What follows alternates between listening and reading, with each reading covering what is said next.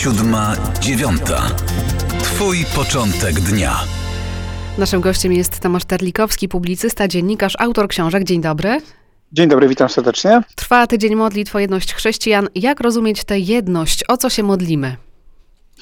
No, modlimy się o jedność właśnie, a rozumiemy ją, jak to chrześcijanie podzieleni różnie. To znaczy mamy bardzo różne koncepcje jedności w zależności od tego, do którego z wyznań chrześcijańskich należymy. Pamiętajmy, że no, Kościół katolicki, oczywiście podobnie zresztą jak Kościół prawosławny, jest przekonany, że pełnia trwa wewnątrz tego kościoła ostatecznie, więc jedność oznacza jakąś formę pojednania, no przynajmniej eucharystycznego, to znaczy możliwości wspólnego sprawowania Eucharystii, co jest znakiem jedności w wierze, no i do pewnego stopnia jedności instytucjonalnej. Ale już na przykład e, e, chrześcijanie protestanccy, w zależności znowuż od wyznania, bo tu będziemy się, tu będą się również od siebie różnić, będą wierzyć, że no taka zupełnie podstawowa jedność zbudowana na wierze w Chrystusa już istnieje.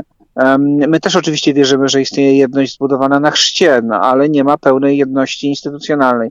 Więc nawet w tej sprawie, o co się modlimy, będziemy się różnić. Natomiast oczywiście modlimy się przede wszystkim o to, żeby nasze podziały nie były antyświadectwem w głoszeniu Ewangelii, żeby to, co nas różni, nie przesłaniało nam to, co nas głęboko łączy. I wreszcie modlimy się o to, żeby zobaczyć w sobie nawzajem braci i siostry. Pewnie spotkał się pan z zarzutami, że ekumenizm jest zagrożeniem dla katolików, że się protestantyzujemy, że to my dostosowujemy się do wymagań protestantów. No ja mogę odpowiedzieć tym katolikom, że protestantyzujemy się w wielu kwestiach od dawna, żartobliwie powiem. Pewnie ci najbardziej gorący katolicy mają w domach choinki. Mają również w domach, czy mieli e, e, e, adwentowe świece i związane z nimi stroiki. No to są pomysły protestanckie, trzeba to zupełnie jasno, żartobliwie, ale otwarcie powiedzieć, kontrreformacja, która określiła i Sobór Trydencki, który określił nas bardzo głęboko, był odpowiedzią, a w pewnych miejscach przejęciem argumentów protestantów. Więc już wtedy się zaczęliśmy protestantyzować. Natomiast no, trzeba też powiedzieć, że e, ten sam zarzut słyszę z ust protestantów, którzy mówią, że w wyniku protestantyzmu szczególnie ewangelikalni chrześcijanie się katolicyzują. Więc no to działa w każdą stronę, tylko jest to zało założenie bzdurne. To znaczy, oczywiście, nawet z perspektywy katolickiej, wierząc, że pełnia prawdy trwa w Kościele katolickim, nie wierzymy, że całą prawdę mamy i że niczego nie możemy się nauczyć od innych chrześcijan. Pięknie o tym pisze Sobór Watykański II. Autorzy Soborowi, którzy mówią, czego możemy się uczyć od rozmaitych wyznań chrześcijańskich. Przecież e, w tygodniu modlitwy jedność chrześcijan to znowuż zarzut dziwaczny, bo uczestniczą nie tylko protestanci, ale uczestniczą także prawosławni, uczestniczą starokatolicy w Polsce. To są dwa kościoły, starokatolicki Kościół Mariawitów i Kościół polskokatolicki. Więc uczymy się od siebie e, nawzajem, poznajemy siebie i możemy dostrzec, że oczywiście przy świadomości różnic także bardzo wiele nas łączy. Jaki wymierny kształt powinien przybierać ekumenizm, żeby był wartością, a nie tylko e, nabożeństwa przez tydzień w styczniu?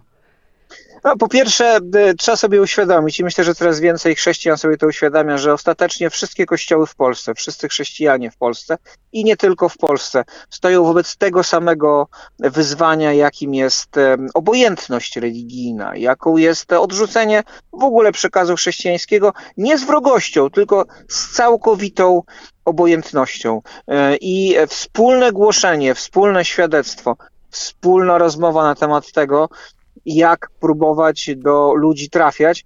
To jest ten realny wymiar, bo oczywiście u podstaw ekumenizmu, tego pierwszego, tego jeszcze wówczas rzeczywiście ruchu głównie wewnątrz wspólnot protestanckich pod koniec XIX i na początku XX wieku było uświadomienie sobie, jak bardzo te podziały, jak bardzo czasem agresja związana z tymi podziałami szkodzi właśnie świadectwu. Ostatecznie e, Chrystus modlił się, abyśmy byli jedno, bo tylko zjednoczeni, tylko pojednani, tylko przynajmniej ukazujący jedno oblicze możemy wiarygodnie głosić Jezusa Chrystusa. I na tym to polega. Nie chodzi tylko o to, żeby się spotykać, żeby się razem modlić, choć to niewątpliwie ma znaczenie, ale żeby razem pracować. I ja powiem tyle, no ja byłem wczoraj, robiłem rozmowę do swojego podcastu w organizacji Open Doors.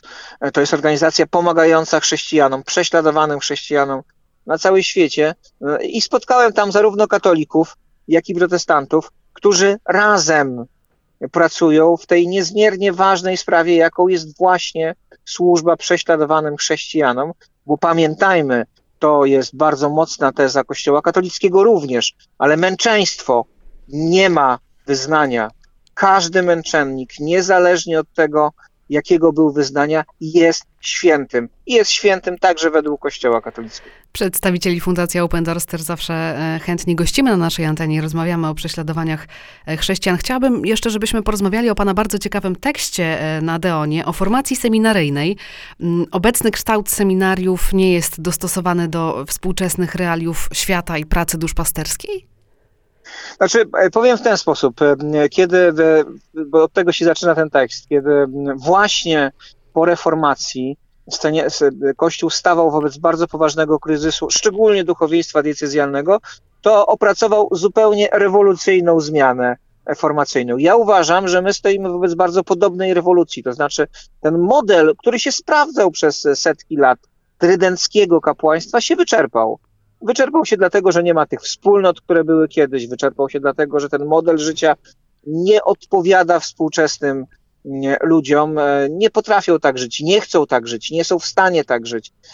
Wyczerpał się także dlatego, że żyjemy coraz częściej w diasporze, czyli nie ma tych wspólnot, które trzymały kapłana i mogły go utrzymywać. I z tej no i wreszcie wiemy dużo więcej o psychologii, o, o tym, jak wygląda, e, wyglądać powinna ludzka formacja. I z tej perspektywy można zadać pytanie, czy trydencka forma formacji jaką jest seminarium, jest jeszcze odpowiednia i czy nie należy poszukać nowej formy, no właśnie na nasze e, czasy, korzystając zresztą z tego, co już było, bo pamiętajmy, to nie jest tak, że formacja seminaryjna jest od zawsze w kościele.